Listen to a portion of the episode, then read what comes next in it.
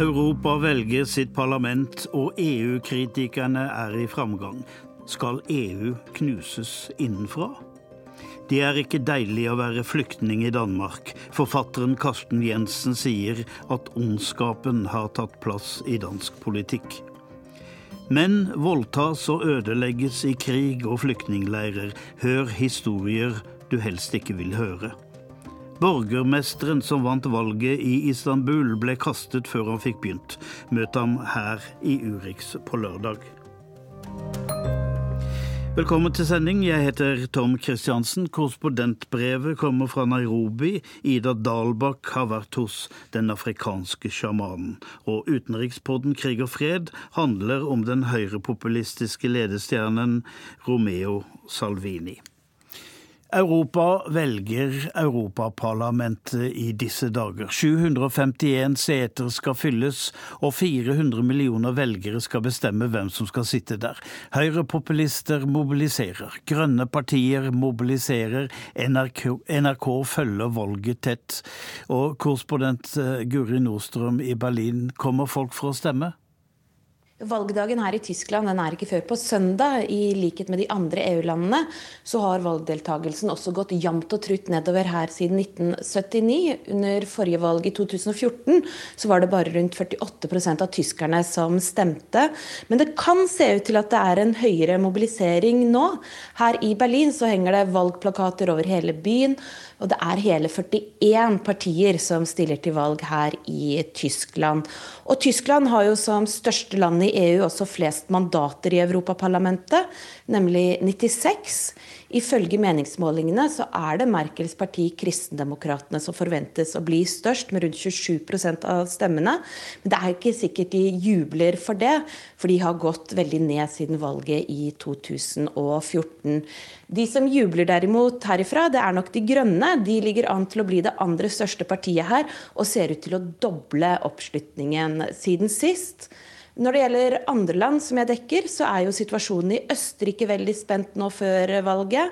Der er det full regjeringskrise etter at Frihetspartiet trakk seg ut etter den mye omtalte to år gamle skandalevideoen fra Ibiza.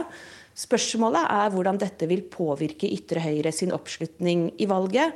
Østerrike har jo vært et utstillingsvindu for hvordan de etablerte partiene kan samarbeide med ytre høyre, partier som mange andre land ikke vil ta i med ildtang. Og så kom jeg i går tilbake fra Ungarn. Der er det ingen tvil om at strengere innvandringspolitikk er den aller største valgkampsaken. Og dette gjelder stort sett også i de andre østeuropeiske medlemslandene. Og dette er sårene fra migrantkrisa i 2015 som ikke har grodd. Den gang kom det opp mot 9000 asylsøkere over grensa hver eneste dag.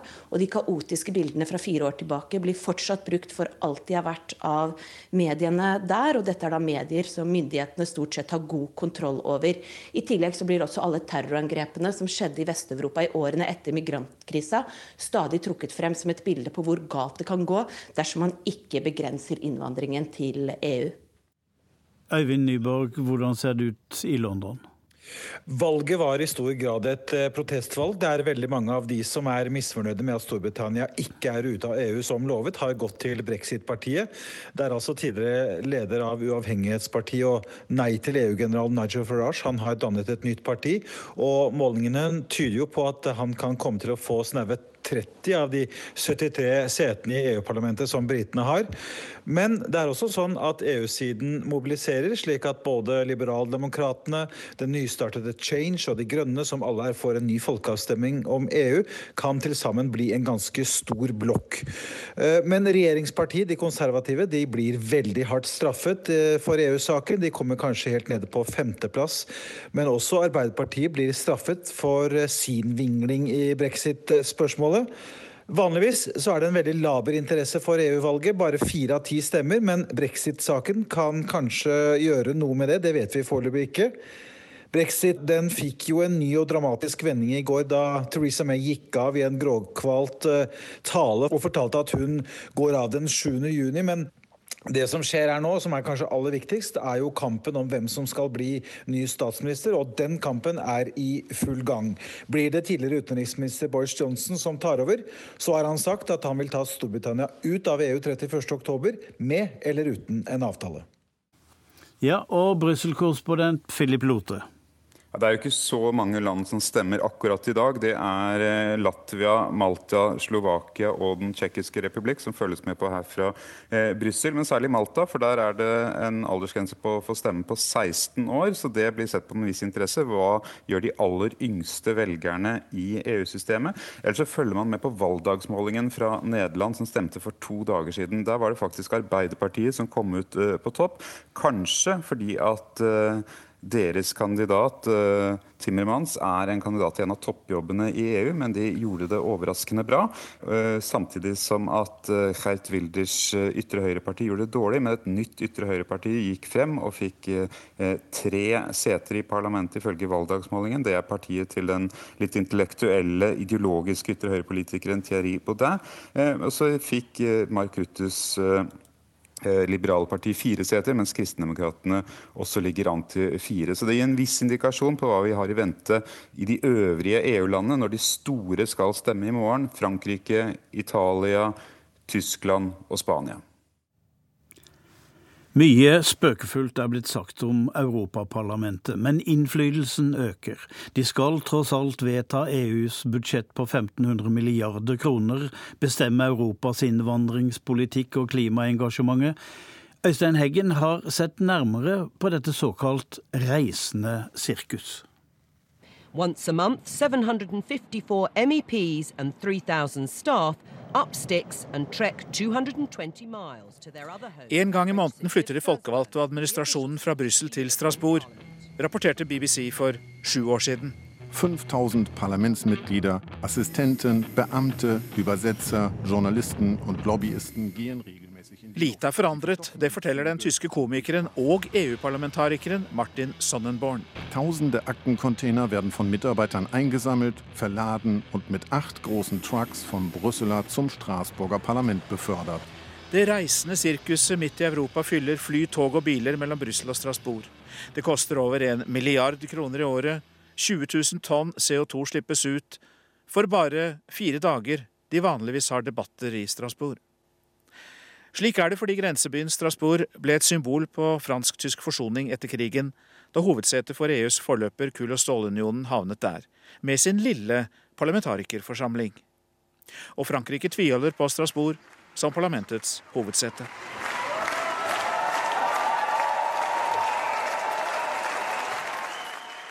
Men uansett, nå er det valg, og begeistringen er stor blant de grønne i Tyskland, som klapper fram sine nominerte til EU-valget. Wir wollen neben dem Klimaschutz eine andere Agrarpolitik in Europa, die die Arten und das Leben schützen.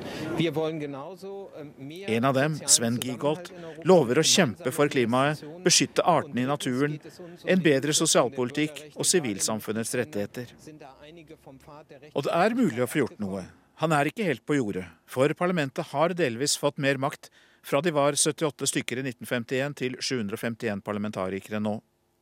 Nye lover for 500 millioner mennesker vedtas av parlamentet og ministerrådet i samarbeid. Der sitter statsrådene fra medlemslandene. EUs nye traktatendringer har bl.a. gitt parlamentet ansvar for unionens budsjett.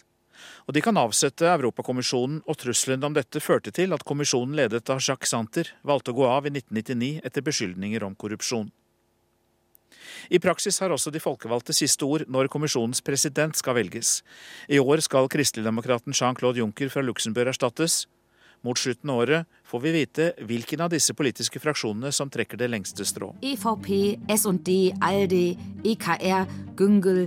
Diese nicht ganz so geläufigen Abkürzungen stehen für die Fraktionen im Europäischen Parlament. Doch was steckt? Forkortelsene den tyske TV-kanalen ARD lister opp her, står for partigruppene og parlamentet har alltid vært delt inn etter ideologi, ikke etter nasjonal tilhørighet.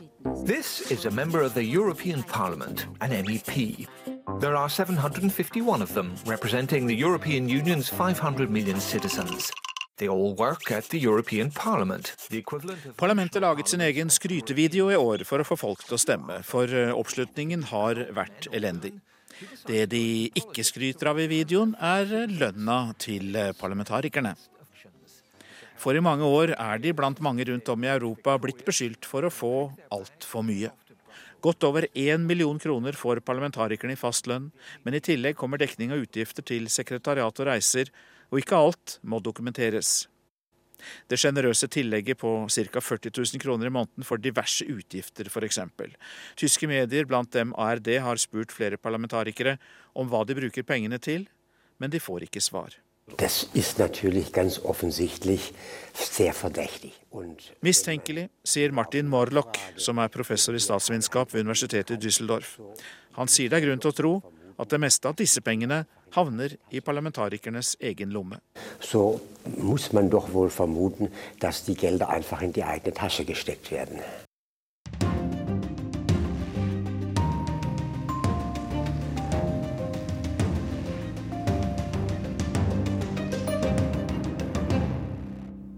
Danmark er mest opptatt av folketingsvalget som kommer om snaue to uker. Der har det vært uro på høyre fløy med to nye innvandringsfiendtlige partier. Og den som har gitt dem det glatteste lag, er forfatteren Karsten eh, Jensen. Velkommen til Urix på lørdag, Jensen. Er det et annet land som går til valg enn det Danmark vi nordmenn tror vi kjenner? Jeg vil si ja og nei, fordi et andet Danmark end det I nordmænd er vokset op med, og jeg regner med, at du dermed forstår et tolerant og åbent og rummeligt Danmark. Det øh, har vi ikke set meget til i de sidste 10-15 år, hvor Dansk Folkeparti, som jo er et højere populistisk parti, har haft en meget stærk position i dansk politik som et afgørende parti, øh, en samarbejdspartner igennem øh, 10 år for skiftende borgerlige regeringer, og nu igen for den seneste borgerlige regering under Lars Løkke Rasmussen, hvor de jo også i det sidste valg fordoblede deres stemmetal til over 20 procent. Men det, der er den store forskel nu, ser ud til, at folketingsvalget her om nogle uger bliver en katastrofe for Dansk Folkeparti, at de mister op mod halvdelen af deres mandater. Og det er jo noget helt nyt. Men den lune, romslige dansken, fins han fortsatt? Vi hører ikke noe særlig fra han i denne valgkampen. Nei, og det skyldes jo nok at øh, de borgerlige midterpartier og det danske sosialdemokrati, altså det der i Danmark er Arbeiderpartiet, helt har overtaget øh, Dansk Folkepartis fremmedfjendtlige flyktninge- og udlændingepolitik. Og det paradoxale ved valget vil nok være, at samtidig med, at, at Dansk Folkeparti mister folkelig opbakning og lider et historisk nederlag, så vil det være deres verdier, der seirer i valget. Du har snakket om ondskap, altså ikke bare valget av en politisk linje som er kontroversiell, men ondskap? Ja, det har jeg, fordi øh, her i vinter blev der vedtaget en ny lov, som var den tror jeg, 112. stramning af udlændingeloven, som blev kaldt ligefrem et paradigmeskift. Og øh, den gik ud på, at der ikke længere skulle gives permanent opholdstilladelse til nogen flygtninge i Danmark. De skulle alle sammen kun have midlertidigt opholdstilladelse. Og uanset hvad de i øvrigt gør sig af anstrengelser for at integrere sig, blive en del af Danmark, vil det ikke hjælpe dem, vil det ikke give point. Og det vil sige, at man fuldkommen trækker tæppet væk under nogle mennesker, som i forvejen har været udsat for horrible tab. Tænk på syrere, der nu skal hjemsendes. Både Norge, Danmark og FN's flygtningehøjkommissariat har sagt nej til at hjemsende syrere, fordi de ikke mener, at der er en sikker situation i Syrien. Men Danmark vil gøre det nu. Og det kan jeg ikke se som andet end systematiseret ondskab. Det er et signal til de værste instinkter og elementer i befolkningen om, at øh, ja, vi er virkelig hårde. Og jeg tror simpelthen, at det er det, den danske befolkning er ved at stå av på. De er gået over stregen. Det er derfor, de er i færd med at miste opbakning. Folk kan godt se, at, at det her det er for langt ude simpelthen. Men det er vel også anstendige politikere som kan hevde at når en krig er over, så bør flyktningene dra hjem for å bygge landet? Ja, men når nu alle internationale observatører fra FN, og selv fra vores nabolande, selv fra Norge, der jo også har en højere regering, siger, at Syrien ikke er sikkert, og at krigen ikke er overstået, jamen så er det øh, ikke noget med anstendighet. Så er det simpelthen lodret uanstendighet. lodret menneskeforagt og fjendskab, der driver politikken. Sylvi Listhaug dro jo til øh, Danmark for å lære hvordan man driver øh, fremmedpolitikk. Hva lærte hun? Ja, hun lærte etter min mening, øh, hvordan man kan være ondskapsfull og polarisere befolkningen. Øh, og jeg håper bare ikke, at det norske storting gir henne noen muligheter for at øh, føre de ting, hun lærte av sin åndelige søster, Inger Støjbjerg, ut i praksis. Fordi det ville være til stor skade for Norges renommé rundt om i verden. Og I har jo faktisk et godt renommé, som jeg synes, I skal passe riktig godt på. Nå i denne helgen er det valg i EU. Er den veien Danmark for tiden beveger seg eh, lignende den vei resten av Europa beveger seg? Jeg tror sådan set, at Danmark i de siste 20 år har vært et avantgarde-land i Europa, når det kom til fremvæksten af en militant højrepopulisme. Men jeg tror, at det vi kommer til at opleve i Danmark, det er, at billedet vender, at højrepopulismen kommer på tilbagetog. Vi har fået nogle nye, meget ekstreme partier på den yderste højrefløj, men de er mere ved sekter og ligne, og får næppe den store indflydelse. Så øh, jeg håber snarere, at det, den vending, der indtræder i Danmark ved det her folketingsvalg, også vil være en strømpil for Europa, så at højrepopulismen ikke går så voldsomt frem, som det forudsiges af alle. Det er en skarp tone i den danske debatten. Adjektiver og superlativer. Er det ord som forsøpler Danmark? Nej, men vi har jo i Danmark haft de berømte Mohammed-karikaturer, øh, og øh, der vedtog vi næsten i fællesskab med nogle få øh, afvigere, inklusive mig, at ord ikke betyder noget, at ord ikke gøder jorden for brutale handlinger. Men det viser historien, at den gør. Og i Danmark har vi nu i lang tid leget med ilden.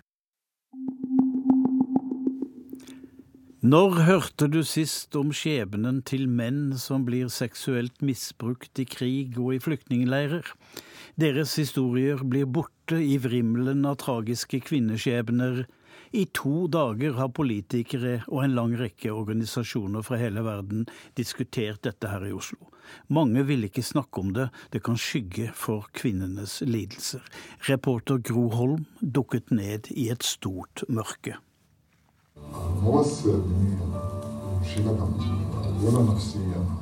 Det var så mange ganger jeg ønsket å dø, men religionen min tillater ikke selvmord, sier den libanesiske mannen i en video som Kirkens Nødhjelp har sponset.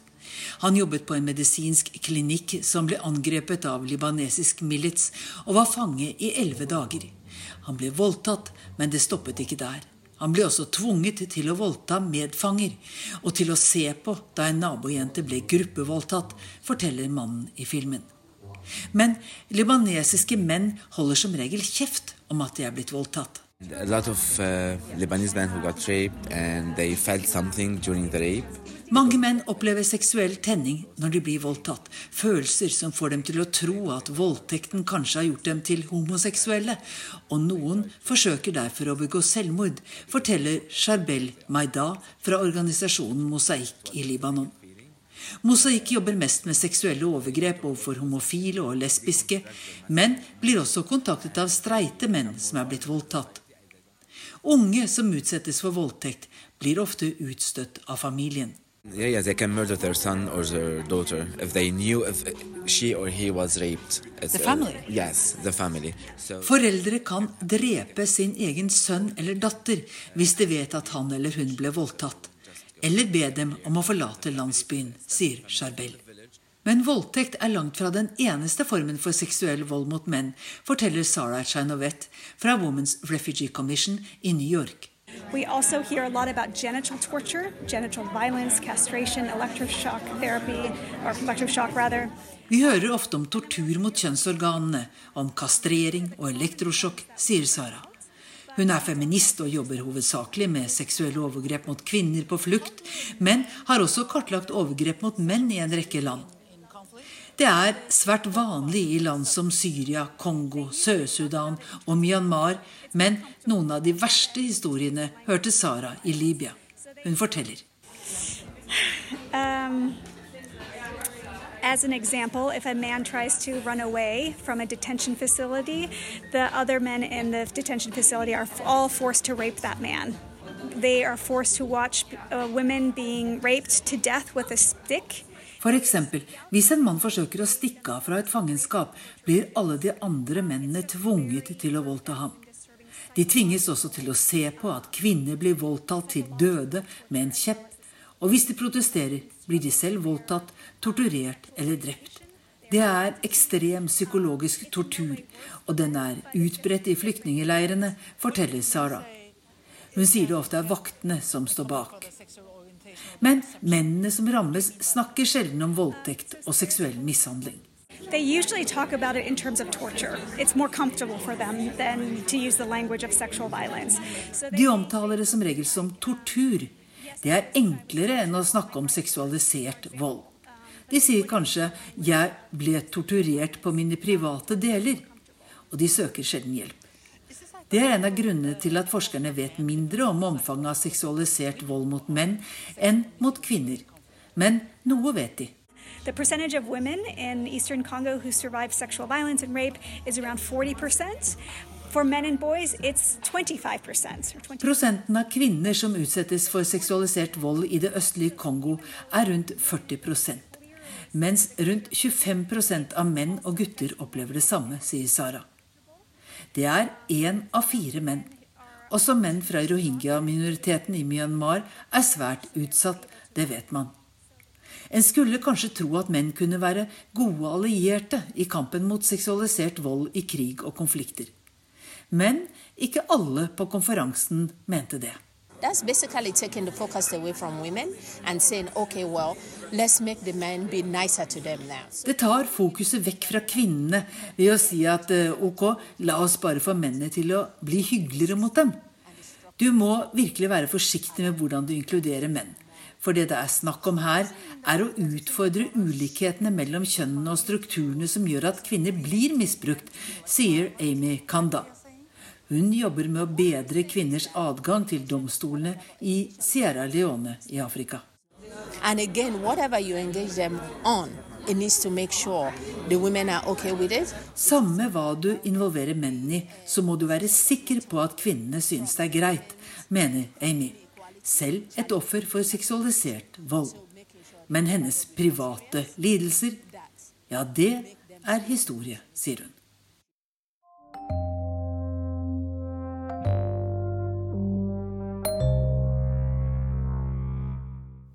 I Tyrkias største by, Istanbul, er valgkampen i gang på nytt for å avgjøre hvem som skal bli borgermester. I mars tapte president Erdogans parti valget i byen, og nå har Erdogan tvunget fram et nyvalg. Så den nylig valgte borgermesteren må kjempe en gang til for jobben han fikk. Cecil Wold tegner dette bildet av en karismatisk borgermester. Ekrem Imamolo er mannen alle snakker om nå. For opposisjonen er han Tyrkias store stjerne og politiske håp. Han er den vi har ventet på, og vi håper at han blir den neste presidenten vår, sier velgerne hans, som elsker at han er så mye ute blant folk. Imamolo besøker og snakker med velgere, og støttespillere fra morgen til kveld. Som en ung kvinne som ringer ham på FaceTime. Jeg elsker deg også, sier Imamolo mens han holder iPhonen og smiler mot videobildet hennes. Hvordan kan han være så avslappet, spør alle som treffer ham.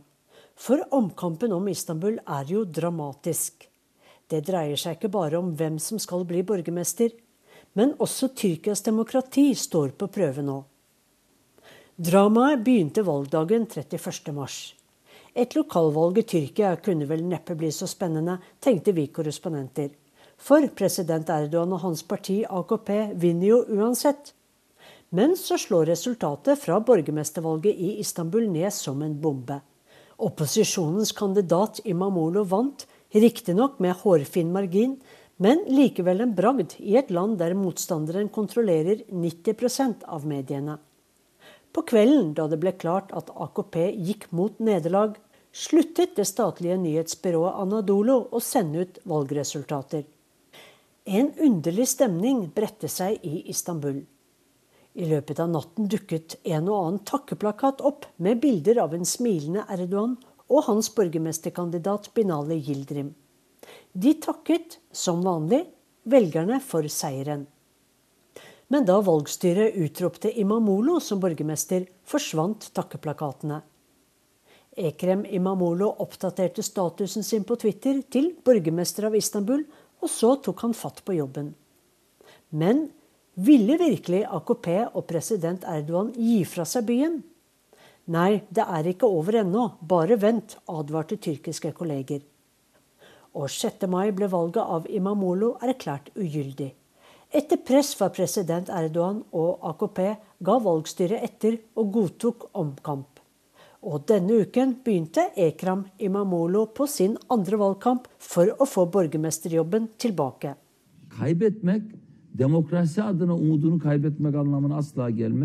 Å tape betyr å aldri miste håpet på demokratiet. Istanbul-valget er blitt et symbol på Tyrkias demokrati. Derfor har vi et stort ansvar nå, sa Imamolo på valgkampåpningen.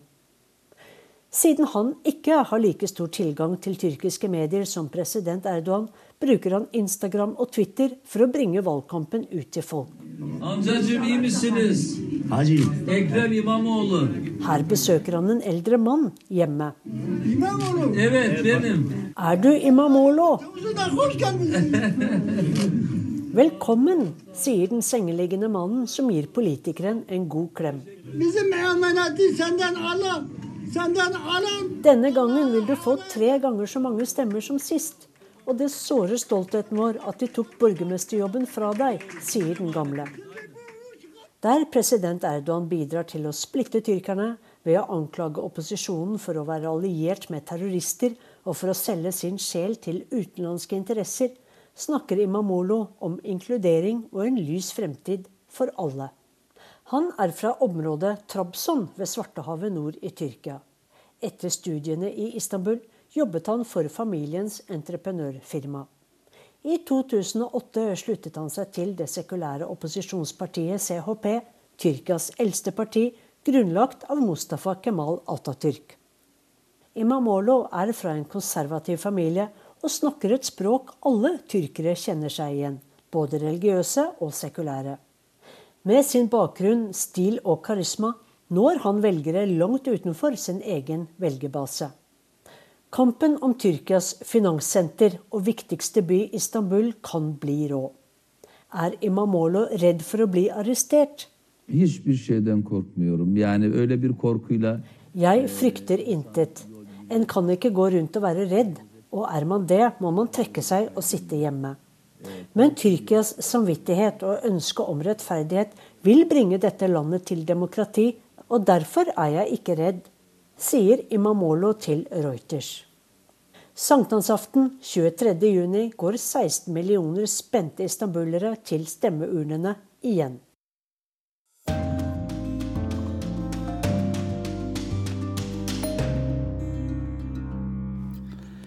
Korrespondentbrevet er skrevet i Nairobi. Ida Dalbakk har fulgt sjamandebatten i Norge på avstand, men sjamaner, dem er det flere av i Afrika enn her. Ta dere på beina og vent her mens jeg henter sjamanen, sier den unge gutten som titter ut bak en møkkete gardin i det fattige området Dagoretti Corner i Nairobi. Fikseren Peter og jeg går inn i et venterom med to plaststoler og tepper med elefanter på veggene. Vi har kommet for å møte en mann som hevder å ha spesielle evner. Ryktene går om at han kan snakke med døde og hjelpe personer som har blitt utsatt for hekseri og forbannelser, og jeg lurer på om han kan spå framtida mi som korrespondent i Afrika. Noen minutter senere kommer en mann i olabukse, rutete skjorte og skinnjakke ut fra rommet bak forhenget. Er det du som er sjamanen? sier jeg overrasket. Han nikker og presenterer seg som Kaisi Nfundungu, før han geleider oss inn i et bitte lite rom på rundt halvannen kvadratmeter. Han setter seg ned ved siden av en liten plastbøtte med et stearinlys, og røkelse fyller det han kaller kontoret, med en sterk, krydret lukt. Jeg forteller om sjaman Durek Verrett fra Los Angeles, som har kapret den norske prinsessens hjerte, og at det har vært full oppstandelse i Norge etter at nyheten sprakk. Nordmenn går ikke til medisinmenn og sjamaner på samme måte som i mange afrikanske land, sier jeg, og Unfundungu sier han synes det er synd. Hit kommer det mennesker med alle slags problemer. De aller fleste har kjærlighetsproblemer. Hvis en mann har gått fra deg, f.eks., så kan jeg bringe ham tilbake, sier Nfundungu med et fast blikk. Han forteller at han har mange kvinnelige kunder som har blitt utsatt for vold i hjemmet. Jeg ber dem om å ta med et klesplagg som mannen deres har brukt nylig. Så tar jeg en liten bit av buksa f.eks. og brenner den sammen med noen urter. Når kvinnen drar hjem igjen, vil mannen være snill i minst tre dager. Det funker alltid, sier Nfundungu. I Norge har verden nesten stått stille etter at prinsesse Märtha Louise ble sammen med en sjaman. Men i mange afrikanske land er det å gå til sjamaner nesten like vanlig som å gå til legen. Overtroen er så sterk at selv presidentkandidater betaler i dyre dommer for å få gode råd til valgkampen av sjamaner. Før det nasjonale valget i Kenya i 2017 var det flere kandidater som gikk til sjamaner for å få drahjelp fra åndenes verden til å vinne valget. Men det er ikke bare i politikken at troen er sterk på at døde slektninger kan hjelpe til med menneskelige problemer.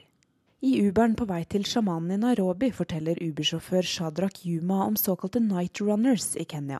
Det er mennesker som kler seg nakne og løper rundt om natta for å skremme bort onde ånder. Han forteller at nattløperne ikke kan gå hjem før de har skremt noen, og at de ofte gjemmer seg i busker der de hopper fram foran uvitende forbipasserende. Målet er å jage bort onde ånder som har brakt ulykke over folks liv, og Yuma er sikker på at løpingen har en effekt. Jeg kjenner en familie som slet med å få barn i ti år, og så begynte de å løpe rundt nakne om natta, og det ga resultater, sier Yuma. Også i Sør-Afrika står troen på hekseri sterkt. I townshipen Kailicha utenfor Cape Town møtte jeg en sjaman som fortalte at tradisjonelle medisinmenn og sjamaner er viktige for mange sørafrikanere. Han hadde på seg en hatt laget av pels fra bavianer. Tråder med små perler hang ned fra hodeplagget og dekket i øynene, og i hånda hadde han en stokk med en kuhale festet på toppen. Inne hos sjamanen var veggene fylt med krukker av tørkede urter. Han fortalte meg at han kunne sette meg i kontakt med min farmor, som hadde vært død i flere år. Det kostet bare en del penger. Jeg takket for besøket og sa at jeg skulle vurdere tilbudet om å hilse på farmor ved en senere anledning. I Narobi skulle jeg derimot få treffe et par andre besteforeldre. Lufta begynner å bli tett i kottet, og det er på tide å prøve det jeg har kommet for. Jeg spør om sjamanen kan si noe om framtida mi som korrespondent i Afrika. Selvfølgelig, da må vi kalle på åndene. Vil du se dem, eller bare høre dem? Jeg svarer at jeg gjerne vil møte åndene. Hvem vil vel ikke treffe en ånd hvis man har mulighet? Sjamanen forteller at hvis jeg vil se åndene, kommer jeg trolig til å besvime og må vekkes ved at han gir meg noen urter en time senere. Jeg ser for meg at jeg blir servert en tvilsom medisin som får meg til å hallusinere, og at jeg besvimer i et lite skur i et fattig område i Nairobi. Jeg takker pent nei til å se åndene, men sier at jeg gjerne vil høre stemmene deres. Sjamanen gir streng beskjed om å skru av mobilen. WhatsApp, Facebook og Instagram skal ikke forstyrre oss når vi går inn i åndenes verden. Så ber han meg om å ta fram en pengeseddel som tilsvarer 100 kroner, som han heller aske på. Seddelen er til åndene, sier sjamanen og ber meg putte den i plastbøtta. Vi klapper i hendene, og han synger på swahili. Plutselig slukkes stearinlyset, og det rasler og dunker i veggen, som består av et tøystykke bak meg. Karibo! Karibo! sier en knirkete stemme over hodet mitt. Karibo betyr velkommen på swahili. Jeg svelger nervøst i bekmørket. Den spøkelsesaktige stemmen fyller rommet, og jeg ser ingen verdens ting. Stemmen fortsetter å snakke på swahili, og Nfundungu fortsetter. Framtiden din ser bra ut, men du kommer til å få problemer med en venn, og det må du passe deg for. Og så ser ånden at du kan havne i en bil- eller flyulykke. Jeg mistet en venninne i en flyulykke nylig, så det var ikke det beste han kunne sagt om framtida mi. Det trenger ikke å skje hvis du får riktig beskyttelse, du kan kjøpe medisiner av meg som du kan ha med deg i lomma, sier sjamanen. For penger er det meste mulig, tenker jeg. Ånden skravler i vei på swahili over hodet mitt, og etter et kvarter i mørket dukker det også opp en lys kvinnestemme. Jeg slår hånda for munnen for å ikke le høyt. Det høres ut som Miss Piggy fra The Muppet Show. Kvinnen sier bare noen setninger før hun blir avbrutt. Når stearinlyset er tent igjen, lurer jeg på hvem hun var. Det var bestemoren min. Vi var ferdig da hun begynte å snakke, så bestefaren min fortalte henne at møtet var over, og at hun måtte være stille, sier sjamanen. Patriarkene finnes visst også i åndenes verden i Kenya. Ute av sjamanens mørke hule myser jeg mot den grå himmelen. Ble jeg klokere når det gjelder framtida mi etter møtet med to ånder med The Muppet Show-stemmer? Jeg kjøpte ikke medisinen som skulle beskytte meg mot bil- og flyulykker. Jeg kan derimot sette penger på at det sto noen gode hjelpere utenfor sjamanens lille kontor og imiterte døde besteforeldre for at han skulle tjene litt ekstra fra en norsk journalist. Selv om jeg ler av oppstyret rundt Durek Verrett og Martha Louise, kommer jeg nok ikke til å gå til sjaman i stedet for til vanlig lege her i Kenya. Jeg er visst ganske norsk likevel.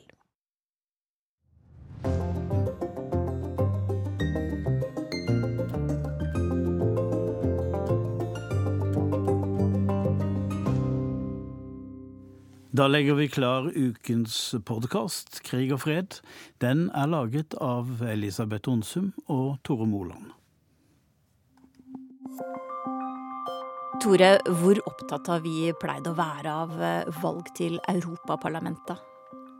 Veldig lite opptatt av EU-valg, med lav valgdeltakelse og mange proteststemmer. Historien ferdig. Men nå skjer det noe. Ytre høyre sitter plutselig med regjeringsmakt i flere europeiske land, og nå har de planer om å kuppe dette EU-valget. Og så har de fått seg en nokså overraskende ledestjerne, en dark horse. Eller en hvit italiener. En politiker vi knapt hadde hørt om for et år siden. Vi snakker om eh, Italias visestatsminister Matteo Salvini. Prima gli italiani. Vengono prima gli italiani. Italia først er eh, slagordet i denne valgkampen. Og det er da den, den eh, egentlig ganske sånn fantastiske omveltningen, da. Fra å være en mann som fortalte meg at han ikke engang heiet på det italienske landslaget i fotball, eh, og likte ikke det italienske flagget og sånn, til å være en mann som fullstendig da omfavner denne ideen om, om patriotisme og, og en sånn nasjonalisme. Jeg heter Simen Ekern. Jeg er journalist og forfatter. Og bor i Roma. Det har jeg gjort de siste seks årene. Før det så, så bodde jeg fem-seks år i Brussel, hvor jeg også jobbet som forfatter og journalist. Så det handler om å appellere til folks følelse av å tilhøre en nasjon. Gjenreise grensene, selvfølgelig. Det, den store saken han, han, drev valgkamp på ved det italienske valget for ett år siden, var jo at han skulle stenge de italienske havnene for uh, utenlandske hjelpeorganisasjoners båter. Så det er jo innvandring, naturligvis, som er en hovedsak. Og så er det også alle former for selvstendighet, og da gjerne i, i forhold til Brussel, da. Monsteret Brussel, som han også snakker om, som bare ifølge Salvini består av ansiktsløse byråkrater og sleipe, uvalgte mennesker som forsøker å tvinge Italia i kne. Så det er appellen til den nasjonale stoltheten, både når det gjelder økonomi, eh, selvråderett på alle vis, og så da disse murene. Selv om de murene er vanskelig å bygge i Middelhavet, der hvor Matteo Salvini bor, så handler det jo om å, å passe på at ikke utenlandske asylsøkere eller kriminelle voldtektsmenn eller bankfolk fra Brussel kommer og tar Italia. For omtrent et års tid siden så var det knapt eh, noen av oss som hadde hørt om Matteo Salvini. Og plutselig er det han alle snakker om. Du har møtt han flere ganger. Hvem er han? Matteo Salvini er eh, den noen og 40 år gamle partilederen for det partiet som før het eh, Lega Nord, som han tok over for eh, noen år siden. Og da han tok over det partiet, så var det et separatistisk parti som først og fremst var opptatt av å løsrive Nord-Italia fra resten av landet. De var litt opptatt av innvandring og litt opptatt av andre saker, men først og fremst så var det dette her med Nord-Italia som gjaldt. Og da Matteo Salvini tok over partiet, så hadde de rast på meningsmålingene etter en korrupsjonsskandale, økonomisk mislighold. Mange avskrev partiet fullstendig. Nå har tiden løpt ut for dette separatistiske, norditalienske, merkelige prosjektet. Men i stedet så uh, formet han det om. Han omskapte hele partiet og laget et parti som tidligere uh, hadde sagt at, at alle søritalienere er late, kriminelle sulliker som eh, burde vekk, og at Italia aller helst burde klippes av et eller annet sted litt nord for Roma, og så la resten av landet drive ned til Afrika, der det helst hørte hjemme, eh, og sånn, som de, som de pleide å si, så ble han plutselig talsmann for et nasjonalt parti. Salve patrioti d'Italia! På en stor, åpen plass i Milano holder et dusin ledere fra Europas ytre høyre torgmøte. Dette er hjembyen til Matteo Salvini, og det er ingen tvil om hvem som skal ha æra for at alle er her. Viva Matteo Salvini! Selv Marine Le Pen må finne seg å stå i skyggen. est un acte fondateur de la révolution pacifique et démocratique. It is an honor for me to represent the Danish People's Party. Greeting to Italy. Greeting to Milan. Greeting to Matteo Salvini. Mot slutten av møtet gjør de den kanskje mest kjente ariaen i italiensk opera til sin. Nessun dorma, ingen må sove.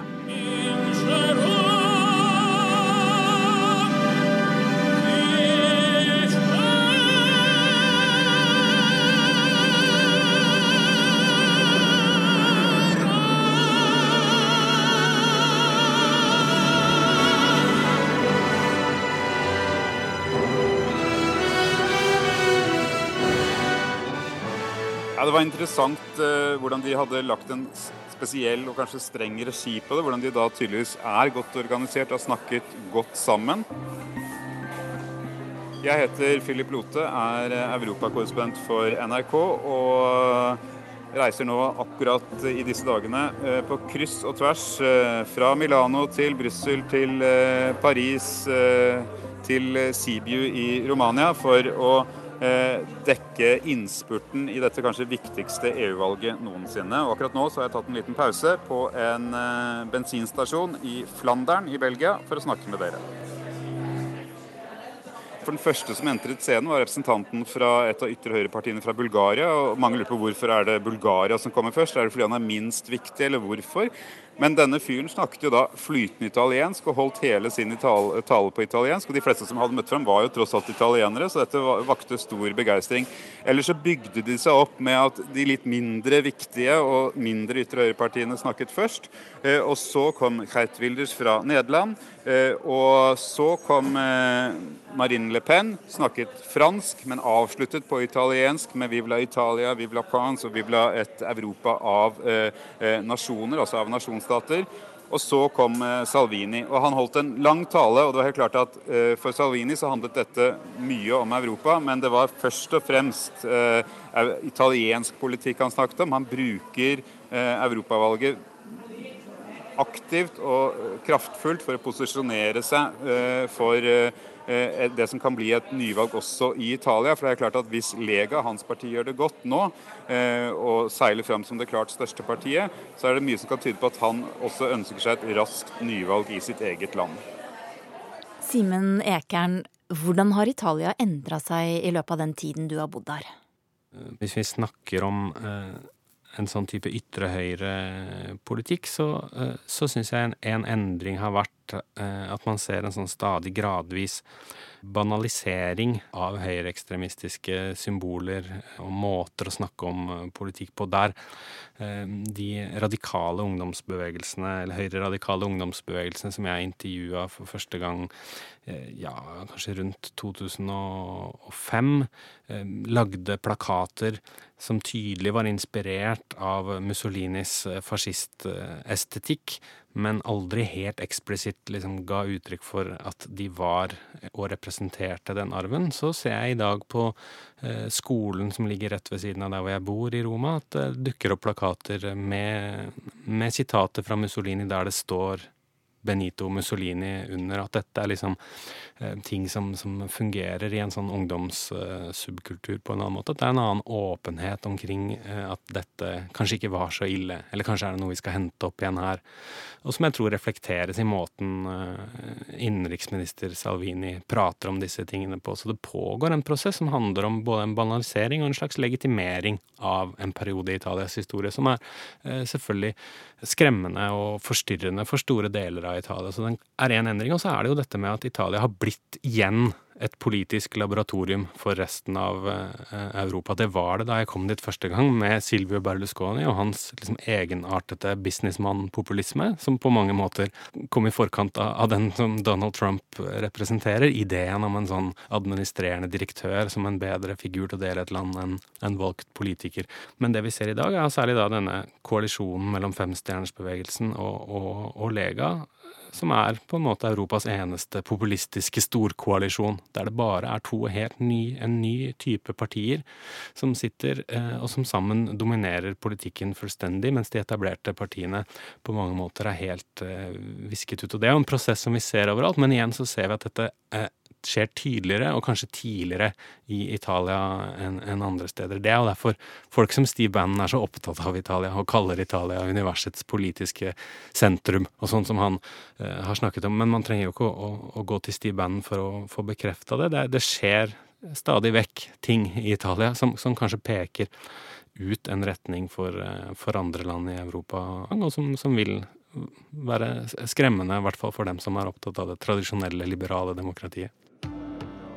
Azt mondta, hogy egy új Európára van szükség, és én támogatom az ő koncepcióját. Han sa vi trenger et nytt Europa, og det er jeg enig med ham i. Støtteerklæringen til Matteo Salvini kommer fra Ungarns statsminister Viktor Urban. Han var ikke på torgmøtet i Milano. I stedet inviterte han Salvini på besøk for å beundre grensegjerdet Ungarn har fått bygd for å holde innvandrere ute.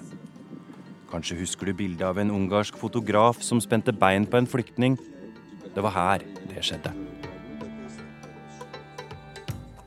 Nå er det jo helt eh, stille på, langs den grensa. Det eneste som var av lyd der, det var en eh, høyttaler som gjentok på eh, forskjellige språk eh, at vi befant oss på grensa mellom Serbia og Ungarn, og at eh, det var ulovlig å klatre over dette gjerdet. Det var en en høyttaler som gikk på repeat, eh, og som sa budskapet både på engelsk eh, og arabisk. Så det er den eneste lyden der. Eller så var det noen få grensepatruljer, for det kom jo rett og slett ingen eh, over denne grensa lenger. Det er jo omtrent fysisk umulig. Jeg heter Guri Nordstrøm og er europakorrespondent for NRK. Og akkurat nå har jeg nettopp vært på grensa mellom Ungarn og Serbia til tross for at det ikke kommer noen eh, over denne grensa lenger, så er det likevel migrasjon som er det store valgkamptemaet her i Ungarn før EU-valget. Det er det som regjeringspartiet Fidesz kjører hardt på, og de ser også ut til å få absolutt flest representanter inn fra Ungarn til EU-parlamentet. Viktor Orban tilhører eh, jo egentlig gruppen av konservative i EU-parlamentet, og altså da ikke eh, Salvinis allianse. Likevel så driver de to valgkamp sammen i Ungarn. Ja, Orban tok jo nylig med Salvini langs dette grensegjerdet. Og det er ingen tvil om at de to har en gjensidig beundring av hverandre. De er jo helt på bølgelengde når det gjelder en strengere innvandringspolitikk. De mener begge at innvandringen truer den kristne kulturarven. Og etter møtet med Salvini så sa Orban at Ungarn er kommet et, nærmere, et skritt nærmere et formelt eh, samarbeid mot eh, migrasjon. Ja, es war dumm, es war unverantwortlich und es war ein Fehler. En valgkamp har jo gjerne en overraskelse eller en skikkelig skandale å by på. Denne gangen kom den i Østerrike, der det dukka opp en video fra en fyllefest på Ibiza for to år siden. Her får en både rik og vakker russisk dame tilbud om politiske vennetjenester i bytte mot penger. Mannen som kom med tilbudet, var Frihetspartiets partileder og visekansler. Nå har alle statsrådene fra Frihetspartiet på ytterste høyre fløy forlatt den østerrikske regjeringen pga. skandalen.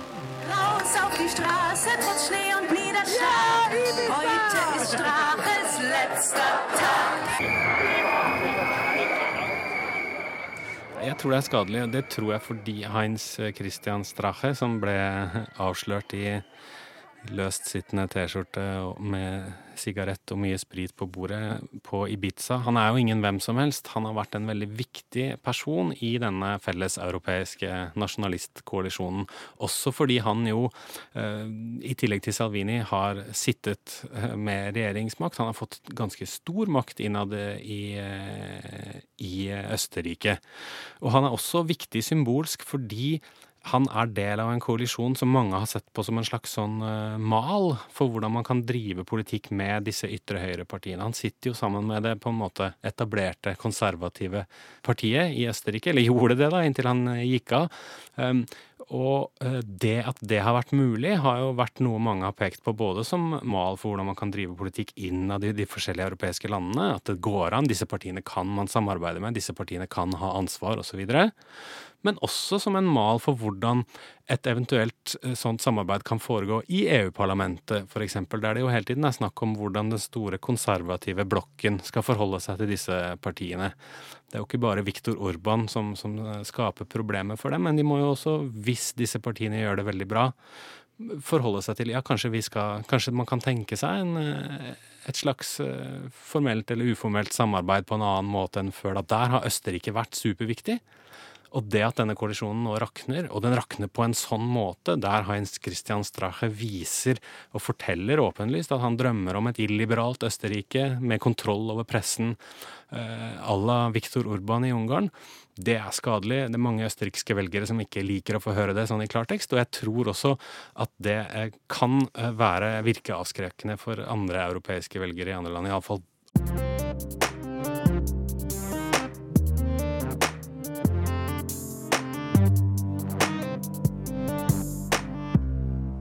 Matteo Salvini ønsker ikke lenger å forlate EU. Han ønsker i stedet å skape et nytt Europa fra innsiden av EU.